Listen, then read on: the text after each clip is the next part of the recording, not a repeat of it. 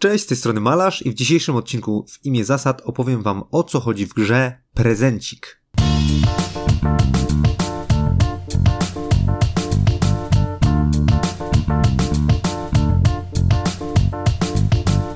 Prezencik to prosta i bardzo szybka gra karciana dla 3 do 7 graczy.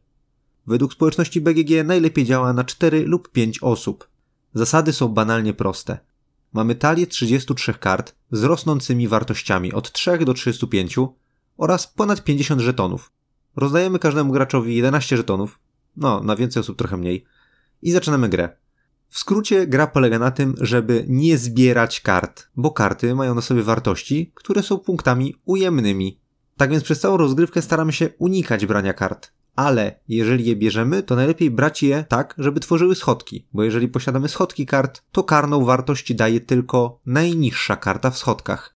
Sama rozgrywka również jest banalnie prosta. Pierwszy gracz odkrywa kartę i decyduje, czy ją bierze. Jeżeli tak, odkrywa kolejną kartę i znowu decyduje, czy ją bierze. Jeżeli nie chcesz wziąć karty, połóż jeden ze swoich znaczników, które trzymasz w ręce, na tej karcie i teraz problem, czy wziąć już tę kartę, czy podbić jej wartość w żetonach, należy już do następnej osoby.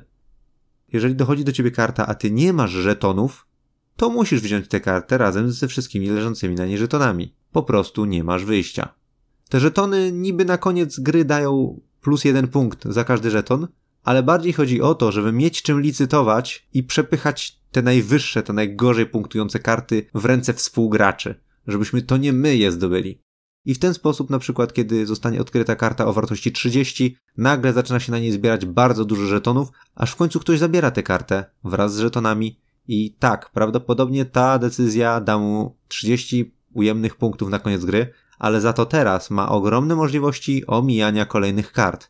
A przy odrobinie szczęścia, jeżeli przed końcem gry zdobędzie inne sąsiadujące karty, tak jak 29, 28 albo 31, to będzie się liczyła tylko najniższa z nich. A po co właściwie brać karty wyższe? To też jest bardzo proste. 31 w takiej sytuacji nikt przy stole nie będzie chciał wziąć, a ciebie to nie będzie nic kosztować, więc czemu by nie zebrać na niej trochę żetonów, zanim zgarniesz ją bez żadnych konsekwencji dla twoich końcowych punktów?